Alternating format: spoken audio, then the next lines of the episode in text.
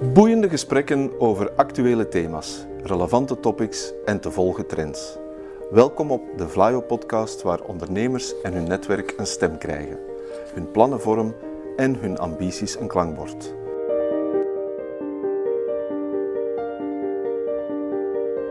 To the point waar het kan, dieper gravend waar het moet. Inspirerend, informerend, ondersteunend.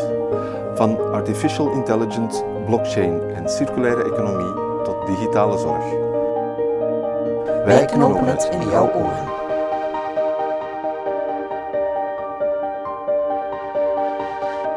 Dag beste luisteraars, van harte welkom bij deze podcast, waarin we zullen inzoomen op het ontzorgen van de zorg en de mogelijkheden die innovatie daarbij kan bieden. Samen met onze experten, die ik dadelijk aan u voorstel, kijken we in twee richtingen. De eerste richting gaat over hoe kan technologie ertoe bijdragen dat minder mensen zorg nodig hebben, codewoord preventie. De tweede richting gaat over hoe kan innovatie helpen om ons veel bevraagde zorgpersoneel te ontzorgen. Met heel veel plezier stel ik de experten voor die hun kennis over dit onderwerp met jullie willen delen. Eerst en vooral, ladies first. Kim Smets is business developer preventie binnen Heelan Onafhankelijk Ziekenfonds. Samen met haar team wil ze een totaalpakket aan diensten en producten aanbieden op maat die de klant de handvaten en tools geven om stappen vooruit te zetten op vlak van gezondheid en welzijn in het algemeen. Dag Kim. Dag Isabel. Tweede, Daan Ayels. Hij is senior adviseur welzijnszorg en gezondheidsbeleid op het kennis- en lobbycentrum van VOCA. De VOCA Health Community brengt bedrijven, zorgondernemingen, kennisinstellingen en patiëntenverenigingen samen om innovatie in zorg een boost te geven. Ook van harte welkom aan jou, Daan. Blij dat ik erbij ben, Isabel. En last but not least, Guido Permans. Hij is CEO van Armonea, een onafhankelijk aanbieder van seniorenzorg in België. Daarnaast is hij ook lid van de raad van bestuur van Vlozo, het Vlaams onafhankelijk zorgnetwerk. Vlozo is de sectorfederatie van meer dan 300 private en onafhankelijke zorgorganisaties actief in de ouderenzorg. Voor Vlozo is het noodzakelijk dat er een masterplan komt voor de hele ouderenzorg, waarin innovatie die de kwaliteit van leven van ouderen bevordert niet kan ontbreken. Dag Guido. Dag Isabel. Het is een hele eer dat ik met deze experten verder kan spreken over het thema ontzorgen van de zorg. De eerste vraag die we ons hierbij stellen, uiteraard, is welke noden zijn er in de zorg? Want we horen in de media en we zien in de media veel berichtgeving omtrent een nijpend tekort aan handen in de zorg. Daan, kan jij hier een, uh, een schets van geven? Zeker, uh, Isabel.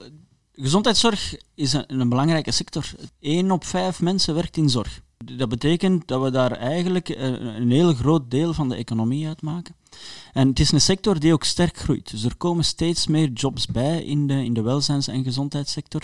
Uh, we zien daar stijgingen van plus 15 procent uh, op vijf jaar.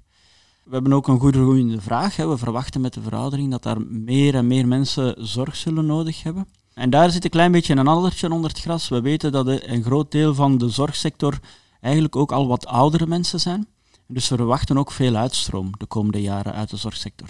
Wat betekent dat de vraag naar zorgpersoneel die neemt enorm toe. En meteen daarbij ook denk ik interessant om mee te nemen is de oefening die we dus moeten doen is hoe kunnen we ervoor zorgen dat die mensen heel goed kunnen bijdragen aan, aan zorg voor de mensen die dat nodig hebben. Maar ook hoe zetten we hen goed in ondersteunen we hen goed? Maken we het voor hen aantrekkelijk en uitdagend om in de, in de zorgsector uh, te blijven werken? Dat gaat echt een belangrijk deel van ons werk zijn de komende jaren. Ja, en daarop aanvullend niet alleen kijken naar ontzorgen van de zorg, maar ook kijken hoe kunnen we mensen langer gezond en kwaliteitsvol laten leven. Als we nu kijken, dan zien we dat er een heel hoop chronische aandoeningen, mensen met chronische aandoeningen, uh, dat aantal stijgt alleen maar. Uh, 1 op 10 mensen beginnen aan diabetes te lijden. Dat zijn gigantische cijfers. De bevolking, ouderdom neemt alleen maar toe. En ook mentaal welzijn is een, is een gigantische uitdaging op vandaag. Dus als ik het goed begrijp, er zijn gewoon te weinig zorgprofessionals. Door minder instroom, meer uitstroom. En er zijn meer mensen die zorg nodig hebben. Dus duidelijk zijn er grote zorgen in de zorg. En het is dan ook duidelijk dat het gezondheidszorgsysteem onder druk staat.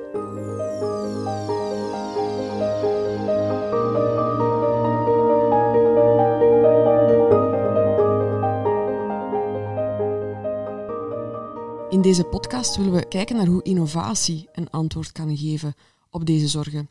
En vandaag willen we specifiek twee categorieën van innovaties gaan bespreken. De eerste categorie zijn de innovaties gericht op preventie. En dus het vermijden van de nood aan zorg geven. Dus eigenlijk het laten dalen van het aantal mensen die zorg nodig hebben. Maar ook innovaties ter ondersteuning van de zorgprofessional, om die hun job makkelijker te maken en te gaan verlichten. Laten we even inzoomen op die eerste reeks van innovaties, de preventie-innovaties zal ik ze noemen. Welke rol spelen die innovaties in de zorg en in het vermijden van de zorg, dus het verlagen van de druk op de gezondheidszorg? Kim, kan jij daar wat meer informatie over, uh, over ja, geven? Absoluut. Ik denk dat technologie en zeker ook uh, artificiële intelligentie heel wat mogelijkheden bieden om mensen meer geïndividualiseerde inzichten te gaan geven en een meer persoonlijke aanpak toe te laten. En dat kan alleen maar kansen bieden voor preventie, maar ook een stukje predictie. Denk aan oplossingen als Skin Vision, FibriCheck. Dat zijn oplossingen die toelaten om eigenlijk in het geval van Skin Vision vroegtijdig huidkanker op te sporen. Dat zijn oplossingen. Anderzijds zien we ook dat het belangrijk wordt om mensen rond gezondheidsvaardigheden daar eigenlijk ook stappen vooruit te laten zetten. Want we weten dat de gezondheidsvaardigheden in België eigenlijk nog altijd te laag zijn. En dat we daar absoluut ook een tandje moeten bijsteken. En we kunnen dat niet doen met alleen maar algemene boodschappen de wereld insturen. Die moeten er zijn, die zijn belangrijk. Maar bijkomend gaan we moeten kijken, individueel, welke informatie heb jij wanneer nodig? Technologie, AI laat dat wel toe om die geïndividualiseerde inzichten te geven en te kijken hoe kunnen we die bepaalde groepen gaan motiveren, stappen vooruit te laten zetten. Welke ondersteuning heeft persoon X of Y nodig om net die stap vooruit te gaan maken? En daar geloof ik wel heel hard in dat we samen met ondernemers en, en met de ganse groep ook en de zorg samen aan kunnen werken. Dus het personaliseren van preventie en ook wat predictie is enorm belangrijk volgens jou. Ja, absoluut. En hoe zet Helan hierop in? Ja, we zijn volop bezig met kijken hoe kunnen we inderdaad hè, die geïndividualiseerde, die gepersonaliseerde aanpak mogelijk te maken. Daarnaast zijn we ook aan het kijken, bijvoorbeeld notificaties, kunnen we mensen op de juiste moment de juiste prikkel geven. Denk maar aan vaccinaties, denk maar aan kankerscreenings, dat we mensen die juiste berichten gaan geven. Ik denk dat we daar ook al op vlak van preventie grote stappen vooruit kunnen zetten. Uh, dat draagt alleen maar bij tot vroegtijdige detectie. Maar dat kan ook heel eenvoudig zijn. Je gaat op tijd naar de tandarts, naar de gynaecoloog bijvoorbeeld. Die voert al een aantal eenvoudige screenings uit. Mensen vergeten dat nu soms, omdat dat eigenlijk maar om de twee, drie jaar is. Als we dat eigenlijk een beetje bijhouden, we hebben die data, kunnen we daar verder op bouwen en eigenlijk daar een ondersteuning bieden voor de mensen. En dat zijn de zaken waar we vanuit heel land graag aan meewerken. En daarnaast ook met de oplossingen als Skin Vision, FibriCheck, waar we echt een partnership mee hebben, om eigenlijk de drempel tot het gebruik van die tools voor onze klanten te gaan verlagen. Als we kijken naar woonzorgcentra, hoe ziet Vlozo innovaties in de preventie van zorg? Guido, we luisteren graag naar jou. Wel, preventie is er uh, in allerlei vormen. Hè. Uh, zoals je zegt, moet elk individu apart gaan bekijken. Dus die gepersonaliseerde aanpak die ook Helan hier voorstelt, die moeten wij ook toepassen in al onze woonzorgcentra. We moeten echt kijken wat heeft een individu nodig. En daar gaat die technologie ons helpen. Ik wil een bijzonder eentje bijvoorbeeld naar boven halen, is alles wat met bewegen te maken heeft en mobiliteit van oudere mensen. Onze bewoners willen we toch voldoende mobiel houden. En dan moet je gaan kijken naar uh, technieken zoals van ja, bepaalde personen die bepaalde kine-oefeningen nodig hebben. Of naar technologie zoals een valdetectie. Hè die ook in een thuiszorg kan toegepast worden. Uh, maar gaan kijken van wat heeft iedereen nodig. En dan, dan, heb je slimme lampen, dan heb je infrarood, dan heb je allerlei technieken vandaag die we beginnen in onze woonzorgcentra ook beginnen uittesten vandaag. En dat kan helpen om vroegtijdig te gaan kijken van zijn er mensen met valproblemen, wat kunnen we gaan doen, welke aangepaste oefeningen, welk schema moeten we daar tegenover zetten om deze mensen die toch een indicatie geven van te gaan vallen, om die te gaan helpen. En ook artificiële intelligentie kan ons daar helpen om eigenlijk een voorspellingsmodel te gaan maken van welke mensen zijn onderhevig aan deze problematiek. En zo kunnen we gaan voorspellen of iemand inderdaad nood heeft aan een valdetectie en aan hulp in deze. Ik neem aan dat in de woonzorgcentra binnen het Flozo-netwerk er ook al heel wat technologieën zijn, zijn uitgetest. Wat zie jij als de echte meerwaarde daarin? Wanneer is een innovatie en technologie volgens jou de moeite waard? Geeft die echt veel meerwaarde om te gebruiken? Wij hanteren drie criteria eigenlijk om te gaan kijken wanneer is het de moeite. Uh, we kijken naar de resident, hè, naar onze bewoner. Van, heeft het een impact op het uh, welzijn van onze bewoner? Zo ja, dan is het fantastisch. Heeft het impact op het welzijn van onze medewerker? Ook goed. En heeft het uh, een meerwaarde naar de omgeving toe? Want we mogen ook niet stilstaan. We leven op deze planeet. Het moeten natuurlijk duurzame oplossingen zijn. En geen oplossingen die dan nog eens tegen de trend ingaan. Dus voor ons is het belangrijk die drie criteria. En zeker de, onze bewoners en ons personeel daarin zijn cruciaal. En die bewoners en personeel zijn daarin mee? Die kan je daar gemakkelijk in meetrekken of heb je daar soms, ja, een extra, is soms een extra duwtje nodig? Wel, eigenlijk zou je schrikken van hoe bewoners en personeel mee zijn in nieuwe technologie. Ik denk dat we schrik hebben om die te verkopen aan onze mensen. Maar als ik zie, we hebben uh, speciale technologie waarmee mensen, bewoners, uh, kunnen videocallen met hun soms kinderen die in Australië wonen. Uh, als ik zie hoe dat zij Spotify gebruiken, als ik zie dat er tussen kamers geschaakt wordt digitaal, dan zeg ik dat onze senioren soms meer mee zijn dan onze jongeren. We kunnen er wat van leren. Inderdaad.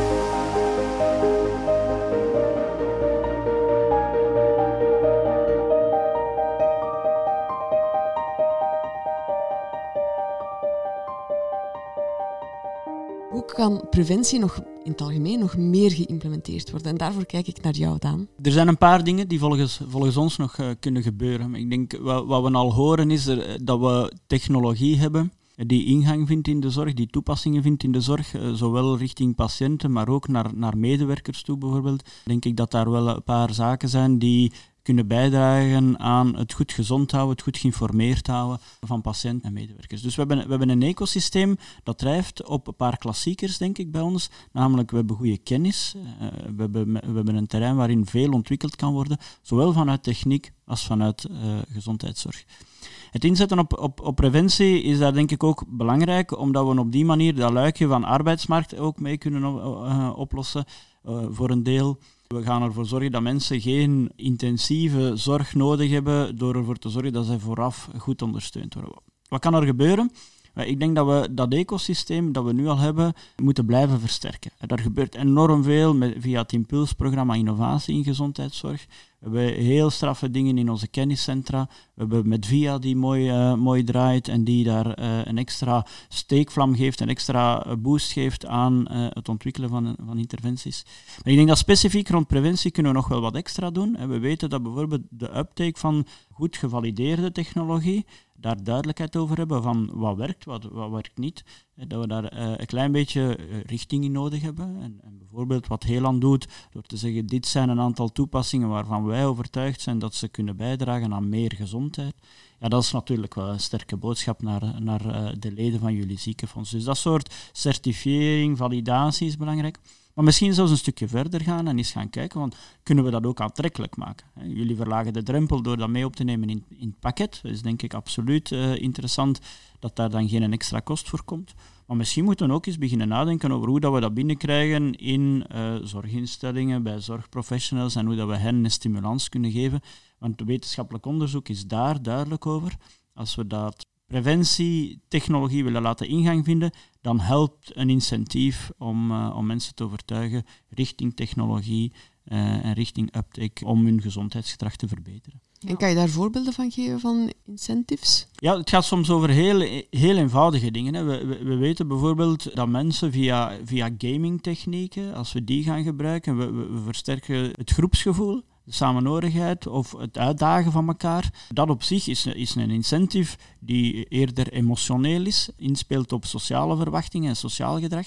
Maar je kan het ook hard maken, je kan ook echt mensen gaan belonen. En we weten dat wat dat betreft, uit, onderzoek, als je mensen gaat belonen, zowel de, de, de patiënt of, of de zorgprofessional, soms zelfs financieel, dat dat ervoor zorgt dat zeer eenvoudige interventies, zoals vaccinatie of, of regelmatig oefenen, uh, dat dat opgang vindt. Als het gaat over meer complexe dingen, zoals stoppen met roken, gewichtsverlies, rughygiëne bij professionals, dan is dat wat uitdagender. Maar ook daar weten we dat incentieven kunnen helpen en dat je kan via beloningen eh, in, in al zijn variëteiten en het opbouwen van die beloningen mensen kan duurzaam aanzetten tot ander gezondheidsgedrag. En dat is wel belangrijk, denk ik. Absoluut. En ik denk dat we daar als Heelan ook wel echt de eerste stappen aan het zetten zijn. Laat duidelijk zijn dat we de Holy Grail zeker nog niet gevonden hebben, maar ehm, dat we daar ook wel willen uittesten welke beloningen zouden kunnen werken voor welke groep mensen. Want ik geloof er ook niet in dat er eh, iets is als one size fits all, dat het zoeken is. Sommige mensen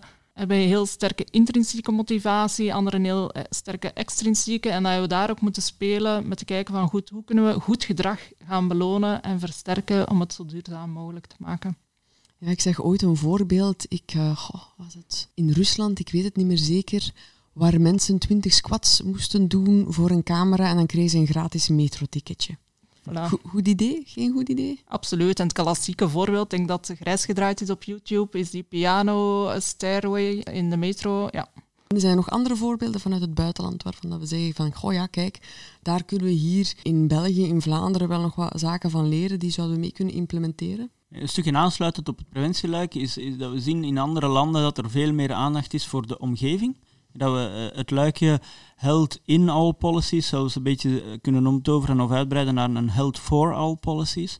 En dat je ziet dat infrastructuur om goed makkelijk te kunnen fietsen. Dat is iets, denk ik, waar dat we weten dat in een woonzorgcentrum de mensen die daar werken, eh, de mensen die daar alle dagen naartoe moeten gaan, ja, dat zijn mensen die eigenlijk, laat het mij van onder de kerktoren noemen, komen. En die haalbare afstanden als 10, 15 kilometer moeten afleggen om, uh, om tot op hun werk te geraken. Ja, als we natuurlijk ervoor kunnen zorgen dat zij goede infrastructuur hebben, dat zij kunnen gebruik maken van fietsleasing en, en dat soort uh, instrumentarium, ja, dat helpt. Hè, dat, dat, maakt het makkelijk om, om ook effectief een klein beetje te bewegen. En dan ben je in de plaats van een half uurtje zittend, ben je een half uurtje fietsend onderweg naar, naar je werk dat op zich helpt. En eh, we weten dat dat zal eh, helpen in soms zware werken in, in gezondheidszorg, het ondersteunen van mensen, eh, het helpen bij het uit bed komen enzovoort. Dat is fysiek, soms wel belastend.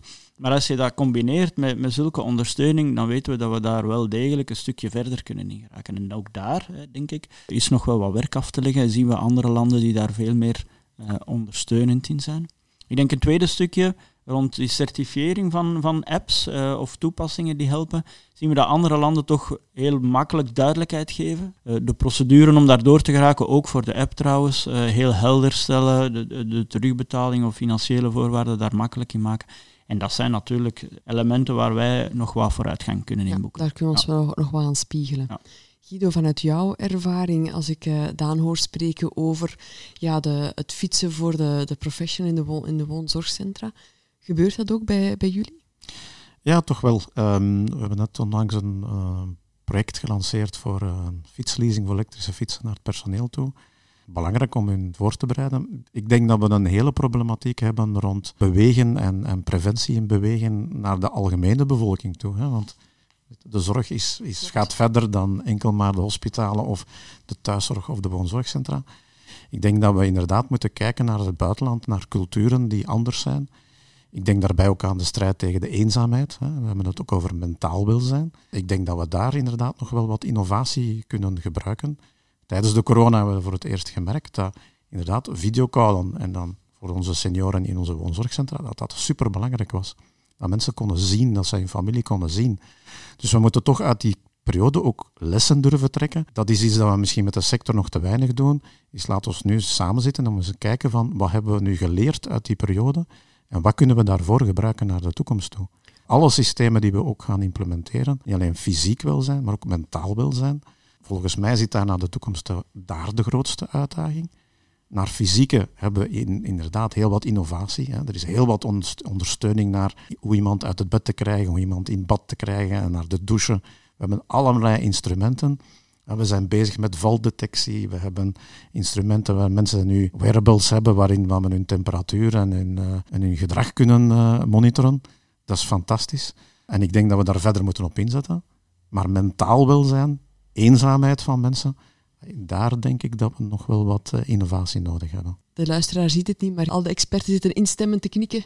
En Daan, jij wil nog iets uh, Ja, ik denk, we associëren bijvoorbeeld welzijn en uh, mentaal welzijn uh, niet zo snel met technologie, maar er zijn ongelooflijk mooie toepassingen over. En Stanford Brain Lab bijvoorbeeld, hè, dat is toch een van de grote labs uit de, uit de Amerikaanse universiteiten, hebben enorm veel vooruitstrevend werk gedaan in het ontwikkelen van technologie die bijdraagt tot beter mentaal welzijn. Dat is een belangrijke. Waarom? Eh, we zien dat we in België ongeveer 1 miljoen mensen hebben die vandaag niet gaan werken omdat ze ziek zijn. Vlaanderen de helft ongeveer, eh, een half miljoen mensen. 38 procent, dus meer dan een derde van die mensen, zijn afwezig op het werk omwille van mentaal welzijn. En dat is denk ik belangrijk. Dat, ligt niet alleen aan het werk. We weten dat dat daar vaak een combinatie is van factoren die ook thuis of, of in de familie kunnen spelen. Maar daar zijn oplossingen voor. We kunnen het makkelijker maken om de toegang tot zorg eenvoudiger te maken via technologie. Door mensen te versterken. Wat kan ik doen op het moment dat ik het stressvol heb? En dan heb je een opbouwend scenario van één, ik meet, ik meet mijn, mijn stressniveau. Twee, ik krijg dat gespiegeld en ik krijg wat tips om ervoor te zorgen dat ik zelf om kan gaan met, uh, met dat mentaal welzijn en de uitdagingen daarbij. En dan zelfs drie, makkelijk maken om, om als dat toch niet lukt met die hulpmiddelen, snel uh, te kunnen bellen naar iemand die psychologisch of mentale ondersteuning kan bieden als professional. Voor mij is dat ook een beetje de clue. Ik denk, dat sociaal contact dat is zo belangrijk. En mensen hebben soms vaak de neiging om te zeggen, goh, al die technologie, dat gaat er allemaal verdringen en dat is iets negatiefs. Maar ik geloof dat juist niet. Ik denk dat we moeten nadenken, hoe kan technologie bepaalde aspecten overnemen, een aantal repetitieve taken, een aantal administratieve taken, mensen ook zelf aan het werk zetten. Er is echt een groep die dat wil, die dat kan. Laat die dat doen, zodat er tijd overblijft, net om voor andere mensen of net wanneer het nodig is, dat sociaal contact te kunnen, kunnen hebben.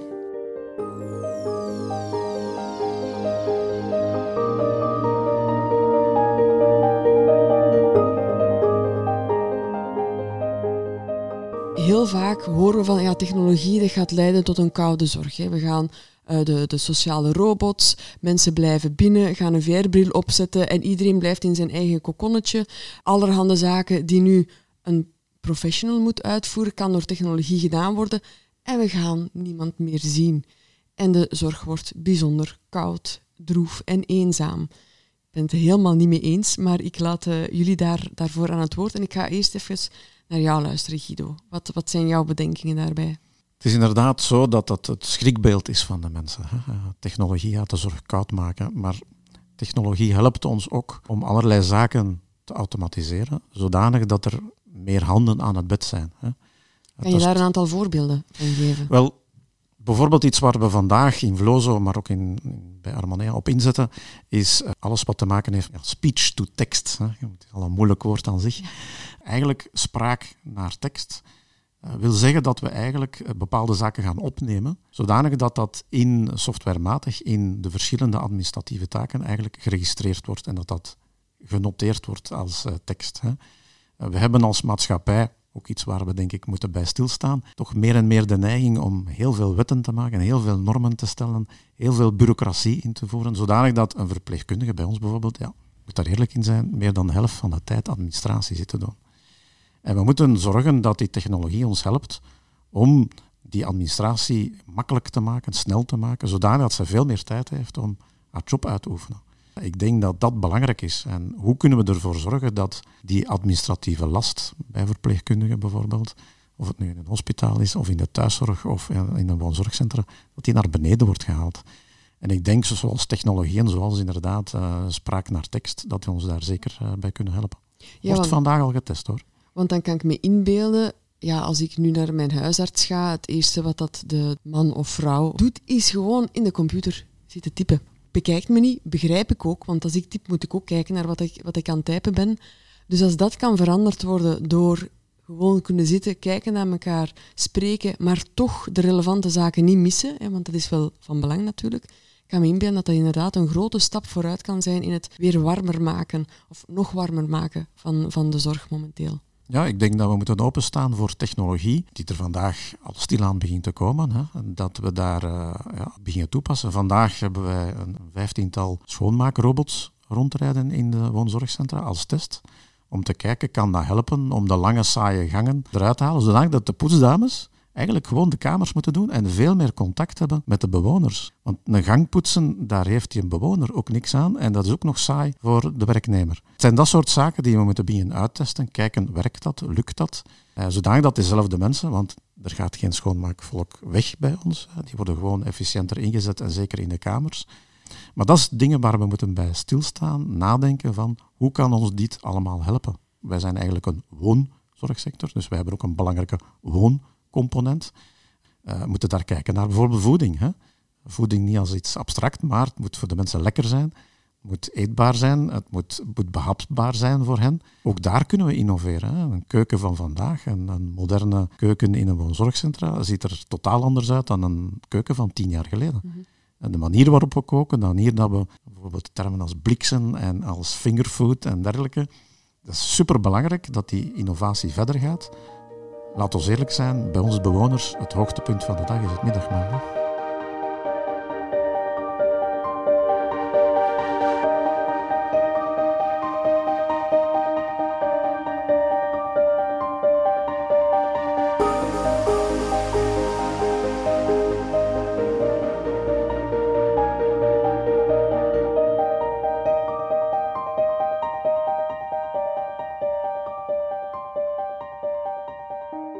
Zo ook het idee dat in zorg dat je daar niet kan telewerken. Dat, dat is niet mogelijk, want zorg wordt geleverd natuurlijk in de heel directe relatie met de patiënt die op dat moment bij jou zit. Kan wel, hè. We hebben ondertussen videoconsultaties, we hebben telemonitoring.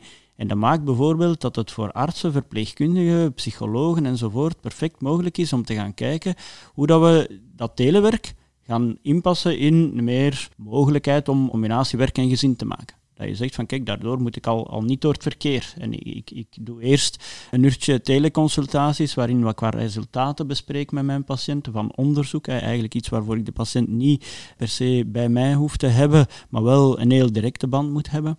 En dat werkt, dat kan. Met CAW bijvoorbeeld, tijdens de pandemie moest er uh, van op afstand crisisbegeleiding gegeven worden en, en, en slachtofferhulp. Wel, wat dat wij horen is dat inderdaad voor sommigen is dat een drempel, en daar moeten we dan rekening mee houden. Maar het gaf bijvoorbeeld ook de mogelijkheid om aan die hulpverleners om eens mee te kijken in welke omgeving woont deze persoon. Hoe, wat gebeurt daar allemaal? En je krijgt dus eigenlijk veel meer en veel rijkere informatie over uh, de context waarin patiënten zijn. En dus die, die warme, die omgeving, ik denk dat dat belangrijk is, die werd door technologie binnengebracht.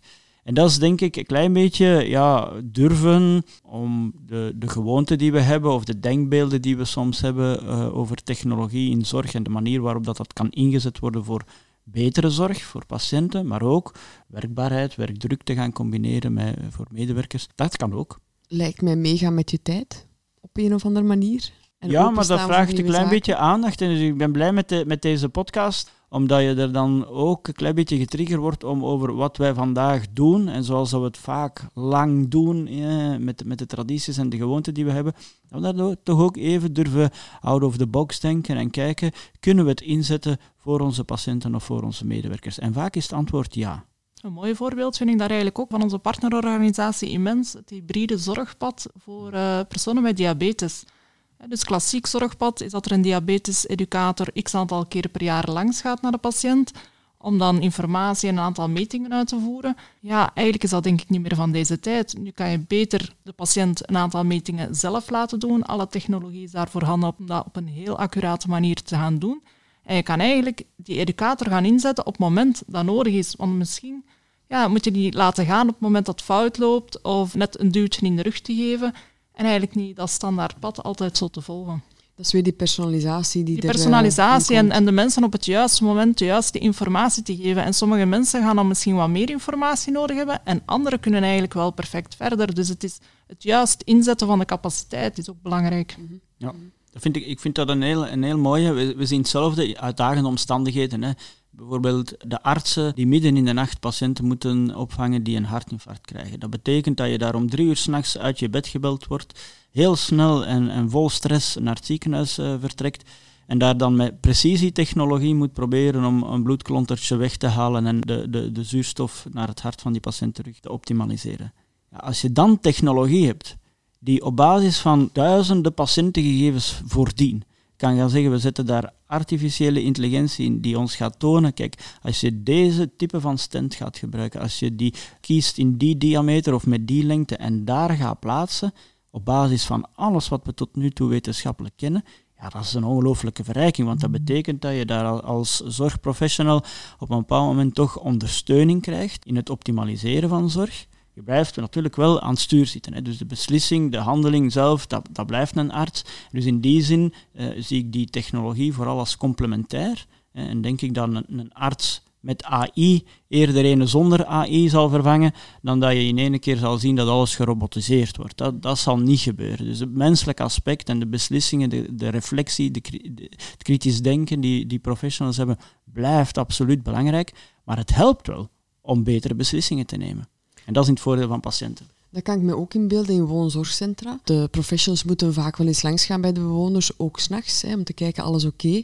Dat daar ook wel technologie kan ingezet worden die over de schouder meekijkt, zodat de aantal keren dat de verpleegkundige moet langsgaan ook kan verminderd worden, wat dat zowel voor de bewoner als voor de verpleegkundige ook wel een ontlasting kan, kan geven. Oh ja, dat is een mooi voorbeeld. Hè? De, twee nachtelijke rondes. Als je vandaag kamers hebt met uh, de technologie, en welke technologie dan ook, hè? infrarood of een Nobilamp of een Mint of een Caspar, Trouwens, België is koploper wat dat betreft in de wereld qua valdetectie en qua registratie van wat er gebeurt in een kamer. Dus als we dat uitrollen uh, in alle woonzorgcentra, en, en dan kan je s'nachts, uh, ja, dan, de verpleegkundige die moet dan eigenlijk gewoon ja, één, zorgen dat ze wakker blijft, maar twee, gewoon eigenlijk controleren van waar zijn er eventuele problemen. Mooi, en ook preventief dan, als je dan ineens merkt van, ach, een bewoner gaat vijf keer naar het toilet s'nachts in plaats van één keer maar, daar kan wel een probleem zijn. Ja, de grote discussie daar is eigenlijk wel de privacy van de mensen. Hè. En dat is een discussie die we nooit uit de weg mogen gaan. Is van, wat willen de mensen zelf? Hè? Wil ik later dat er een camera op mij gericht is s'nachts die mij doorgaat? Ik, ik ben nog niet overtuigd. We moeten gaan naar technologieën die niet te invasief zijn in, in het privégebeuren van mensen. Want die mensen, ook al wonen ze in een woonzorgcentrum, ja, eigenlijk zijn wij te gast in hun huis. Hè? Want het woonzorgcentrum, een kamer, dat is hun huis. Ja. Ja, dat is nog een goed debat voor de toekomst, denk ik, van daar een, een goed evenwicht in te vinden tussen welke technologie gaan we daar wel in toepassen.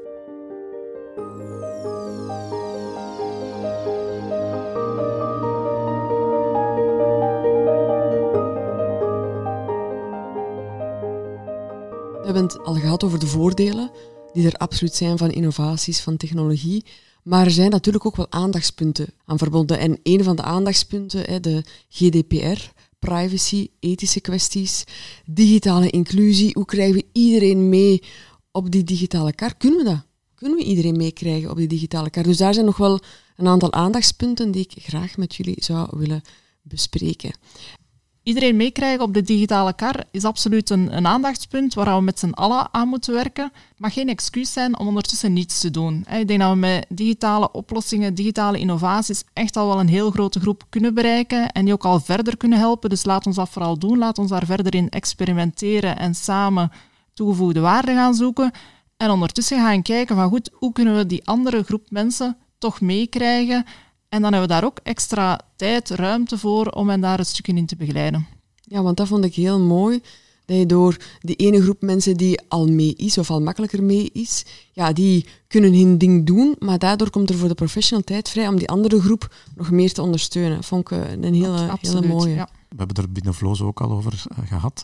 Uh, ik denk, voor ons staat eigenlijk de mens centraal. Dat wil zeggen dat alle technologie moet in die zin de mens kunnen dienen en niet de mens de technologie, wat dat soms is gebeurd vandaag. Dus voor ons is daar wat de persoon in kwestie wil eigenlijk superbelangrijk. Als iemand zegt geen probleem en ik ga ervoor en zulke mensen aanvaarden ook elke technologie, en dat zijn die early adopters, dat is geen probleem. En we zien dat ook in onze woonzorgcentra. Er zijn mensen die ontzettend snel mee zijn, die meer technologie in huis hebben dan ik. Maar er zijn ook mensen die dat absoluut niet wensen die daar tegen zijn. En dat moet je ook respecteren. Je moet geen technologie gaan opdringen aan mensen die dat ook niet wensen. En als maatschappij moeten we er stilaan voor openstaan dat die wensen van een individuele mens ook tellen.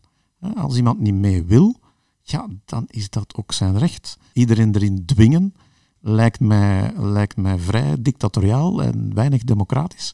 Dus we moeten eigenlijk technologie vinden die de mens ondersteunt. En en die natuurlijk binnenkomt. Zodanig dat dat een evidentie is. Hè. Uh, het videocallen was bijvoorbeeld gedurende de, de, de coronapandemie een hele evidente. Dat heeft iedereen omarmd. Dus het zijn zo'n momenten dat je moet nemen om een technologie binnen te brengen.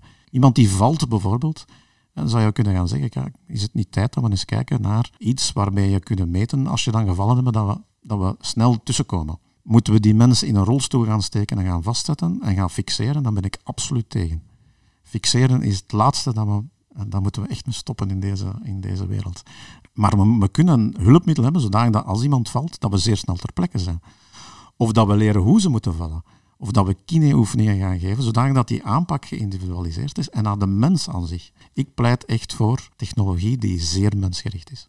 Ja, maar dat volg ik ook wel. En denk technologie als middel en niet als doel, dat dat ook jouw boodschap is. Anderzijds denk ik wel dat we moeten werken aan de digitale geletterdheid. Want technologie zit overal, zelfs gewoon bij de afspraak bij jouw huisarts, jouw, jouw medisch. En het is wel belangrijk dat mensen weten, wat staat daarin, hoe kan ik dat raadplegen? En dat we daar toch een soort van basiscompetentie, denk ik, toch stilaan meegeven aan uh, de bredere bevolking.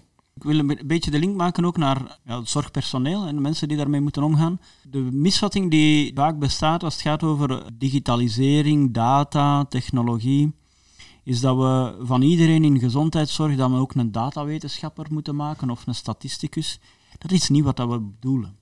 Als het gaat over eh, digitaal vaardig zijn, dan betekent dat je bijvoorbeeld op een heel eenvoudige manier goede valide info kan opzoeken. En dat je de app van Zoek Gezond kan gebruiken en dat je weet dat je daar correcte medische wetenschappelijke informatie krijgt. Dat is heel eenvoudig. Hè? Dat je daar gewoon in plaats van Google Zoek Gezond gebruikt. Belgische app tweede stukje is denk ik heel vaak wordt die technologie ook gebruikt in, in ondersteunende processen. En, en, en, gaan we bijvoorbeeld ervoor zorgen dat we de route van een thuisverpleging gaan optimaliseren. Dat je dus eigenlijk moet kunnen werken met GPS-module. dat is iets waar dat je makkelijk ook kan aanleren aan mensen die in thuiszorg, thuishulp actief zijn. Dus het is niet zozeer dat we verwachten dat iedereen daar weet wat dat de statistische en wiskundige bewerkingen achter die technologie zijn, of dat ze daar heel complexe dingen moeten kunnen programmeren.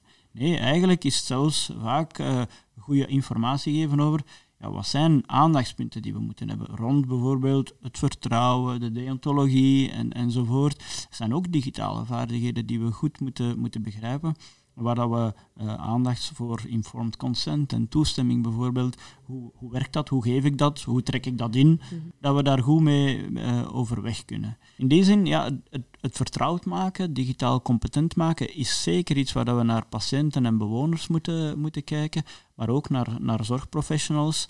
En waar dat we denk ik ook nog wel een stukje kunnen werken rond uh, ja, hoe, hoe makkelijk maken we het. Ja. Ik denk bijvoorbeeld aan It's Me is ondertussen denk ik ook wel ingeburgerd als een veilige manier om um, je aan te melden bij de overheid en bij de databanken die gezondheidsgegevens over jou bijhouden. Dat is heel eenvoudig gemaakt, die technologie. En dat is denk ik ook het stukje opnieuw kracht uh, van innovatie. Uh, we kunnen er ook voor zorgen dat die, dat die privacy en die veiligheid, die toegang goed beveiligd wordt uh, dankzij die technologie.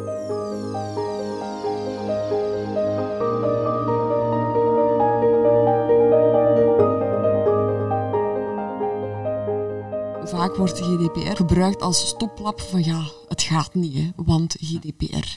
Ik denk dat we daar vanaf moeten. Ik wil eerst toch nog even bevestigen dat alle voorwaarden rond privacy en toestemming en, en medisch geheim, ja, dat, is, dat is het vertrekpunt. Hè. Dat, moeten we, we mogen daar geen misverstand over laten bestaan. Je wilt niet dat zomaar iemand doorheen je gezondheidsgegevens kan gaan snuisteren en daar dingen gaat uithalen die, die later tegen jou gebruikt wordt. Dat wil je niet. Hè. Dat willen wij dus ook niet. Maar eh, er is ook heel wat onderzoek dat zegt dat als een zorgprofessional onvoldoende goed op de hoogte is van alles wat over jou bekend is, dat hij minder goede beslissingen over jou kan nemen. En dat jouw gezondheid daardoor minder optimaal zal zijn. En dus we moeten dat evenwicht, denk ik, een, een stukje gaan bewaren. Nu, we hebben daar in België in Vlaanderen eigenlijk wel heel wat kennis over. We gaan binnenkort gaan we naar Australië en gaan we eh, in Australië de kennis en expertise die we hebben aan onze universiteiten en in onze technologiebedrijven, gaan we delen met hen om ervoor te zorgen dat zij dat op een goede manier kunnen beveiligen. Want in Australië bijvoorbeeld hebben ze wel al eens wat de gezondheidsgegevens teruggevonden op dark web. We hebben daar in Vlaanderen expertise over, technologie die dat goed kan doen op een gebruiksvriendelijke manier. Dat zijn troeven die we denk ik sterk moeten, moeten gaan inzetten om ervoor te zorgen dat we dat evenwicht tussen veiligheid en optimaal gebruik van gezondheidsgegevens uh, dat we dat toch wel uh, kunnen vinden. Ja, absoluut. Ik denk veiligheid is een basisvoorwaarde. Dat gaat niemand in vraag stellen of dat zou niet mogen. Maar we moeten wel durven nadenken, wat zijn wel de volgende stappen dat we kunnen nemen? Ik denk, bij Heeland zitten wij echt wel op een berg data van een individu, maar we moeten wel durven nadenken, als we die data gaan inzichtrijk gaan maken, kunnen we dan geen toegevoegde waarde voor de klant gaan geven, net door die de juiste informatie op dat juiste moment te gaan geven of inzicht te geven in wat dat die persoon zijn levensstijl effect kan hebben op uh, die persoon zijn gezondheid. En dat is wel de stap die we moeten durven zetten, experimenteel en goed nadenken en goed bewaken van die, van die data. Absoluut. Guido, hoe, hoe kijk jij daarnaar? Wel, ik denk dat onze GDPR-wetgeving niet slecht in elkaar zit. Ik denk dat sommigen wel verder willen gaan, maar langs de andere kant beschermt hij ons ook tegen een aantal principes. Mm Een eigen vrijheid bijvoorbeeld. Hè. Uh, als iemand, zeg maar iets met een typisch gebeuren, dat wel eens gebeurt. Hè. Een persoon met een dementie die vertrekt uit een woonzorgcentra, grote paniek. Wij aanvaarden als maatschappij niet meer dat zo iemand buiten rondloopt. Persoonlijk vind ik dat speciaal in de zin van, eigenlijk moeten we dit toch wel toelaten. Dat zou toch moeten kunnen. Vandaag is het alle paniek. Iemand is, hè, dat noemen ze dan ontsnapt, precies of een woonzorgcentrum is een gevangenis, wat dat absoluut niet is. Hè. Het is een woonvorm. Dus we moeten ook, die GDPR zegt tegen ons, ja, je gaat als instelling niet technieken gaan toepassen, hè, zoals uh, een Apple Watch, zodat je hem kan terugvinden. Dat kan, dat is perfect mogelijk. Hè. Vandaag is dat allemaal mogelijk. De vraag die we ons moeten stellen is van vandaag, die wetgeving zegt nee, dat ga je niet doen.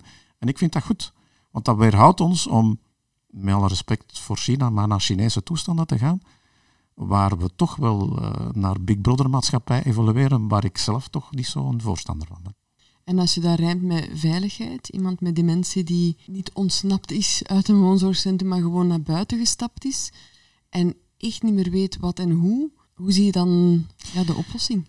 Wel, de oplossing zit hem heel eenvoudig dat de mensen in de maatschappij moeten eens leren zo'n mensen te herkennen en die te helpen. In plaats van er apathisch langs te lopen en niks te doen en uh, zich te beklagen op Facebook of achteraf op een of andere sociale media dat iemand ontsnapt is, zouden ze beter de persoon begeleiden ofwel ergens naar een politiekantoor brengen of naar het woonzorgcentrum of naar iemand die sociaal aspect van elk individu in deze maatschappij zou eens terug moeten in het daglicht gezet worden. Helemaal mee eens vandaag, doordat ik in de sector werk, heb ik dat. Onlangs in een gemeente was iemand met een poppetje, een dame van in de tachtig denk ik, met een poppetje aan rood licht.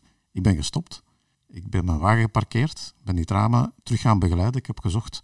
Ze was inderdaad uit het woonzorgcentra in de buurt, 200 meter verder.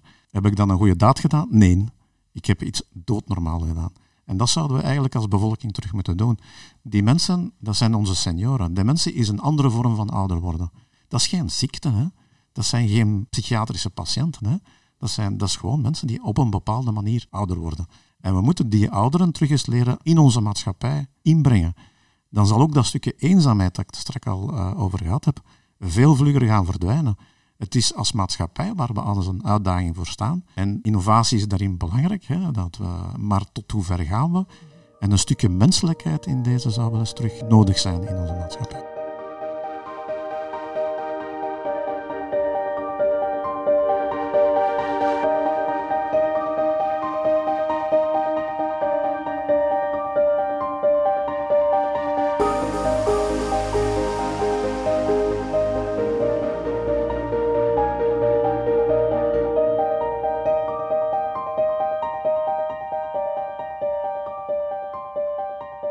Misschien nog één ding specifiek wat technischer en, en rond innovatiemogelijkheden in het ja, hoe kan ik als patiënt mijn gegevens beheren. Vandaag is dat denk ik nog een beetje een uitdaging. We hebben wel heel veel akkoorden die we moeten geven als we apps installeren over wat er met mijn data gebeurt. Ik denk dat er misschien iets te weinig mensen die goed lezen. Het gaat vaak ook over niet-medische data of niet zuiver medische data, in die zin dat ze niet altijd gevalideerd zijn door zorgprofessionals, maar wel via technologie uh, verzameld worden de coördinatie daarvan, of het zeggenschap, misschien zelfs eigenaarschap, dat is vandaag veel meer vloe. En je hebt ook geen instrumentarium om daarmee om te gaan. Hè.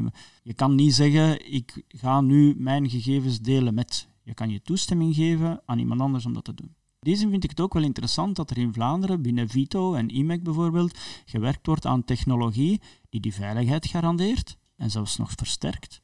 Maar ook de rol eh, of de mogelijkheid biedt, een instrumentarium biedt om te gaan zeggen, deze gegevens die ga ik nu eens ter beschikking stellen van, ik zeg maar wat, de wetenschap. Daar ben ik mee akkoord dat daar onderzoek wordt op gedaan. Of ik ga vandaag mijn gegevens delen met de nieuwe thuiszorghulp die bij mij langskomt om mij te helpen. Maar niet morgen. En dat soort nuance, dat kan niet vandaag. Vandaag is ons informed consent, als je het puur vanuit juridisch standpunt bekijkt, nogal absoluut. Het is ja of nee. En de nuance die kan bijvoorbeeld via de technologie komen. En dat vind ik toch wel opnieuw een opportuniteit om ja, dat evenwicht tussen beveiliging, GDPR, vertrouwen en langs de andere kant kunnen we het ook inzetten om meer gezondheid uh, te krijgen. Ja, technologie gaat ook daar een rol kunnen in spelen. Ja, ik denk dat we ook het, het, debat moeten aangaan onder elkaar. Ik geef een voorbeeld. Als iemand uit een hospitaal bij ons binnenkomt, dan krijgen wij een papieren dossier. Als iemand vanuit de thuiszorg ergens naar het hospitaal gaat, wat gebeurt er? Ja, die, hospitaal gaat al zijn gegevens terug opnieuw verzamelen. Waarom? We hebben wel allemaal medische gegevens, maar die zitten allemaal in verschillende databanken. Ik ben soms wel jaloers uit mijn collega's in Italië, sommige regio's. In Spanje is het helemaal. Ook in Baltische Staten is dat ondertussen zo. Ja, die uitwisselbaarheid van gegevens, dat zou toch ook wel uh, fantastisch handig zijn. Zodanig dat we eigenlijk niet allemaal zelf die gegevens moeten gaan verzamelen of echt gaan uitwisselen via aparte systemen en gaan ze maar verder. Er zijn heel wat initiatieven. Ik hoop dat de overheid daar nu in verder gaat in die initiatieven. Want dat zou wel een gigantische meerwaarde zijn. En qua administratief ook al de last uh, weghalen. Maar ook daar, en daar volg ik uh, Daan in, is eigenlijk zou de beheer daarvan bij de personen zelf moeten zitten. Of aan iemand die ze aanduiden die het beheer voor uh, hen doet. Vandaag zit dat volledig in handen van de dokters, van de verpleegkundigen, van het zorgpersoneel. En dat is wel een, een raar fenomeen, is dat onze eigen medische gegevens niet door onszelf beheerd worden.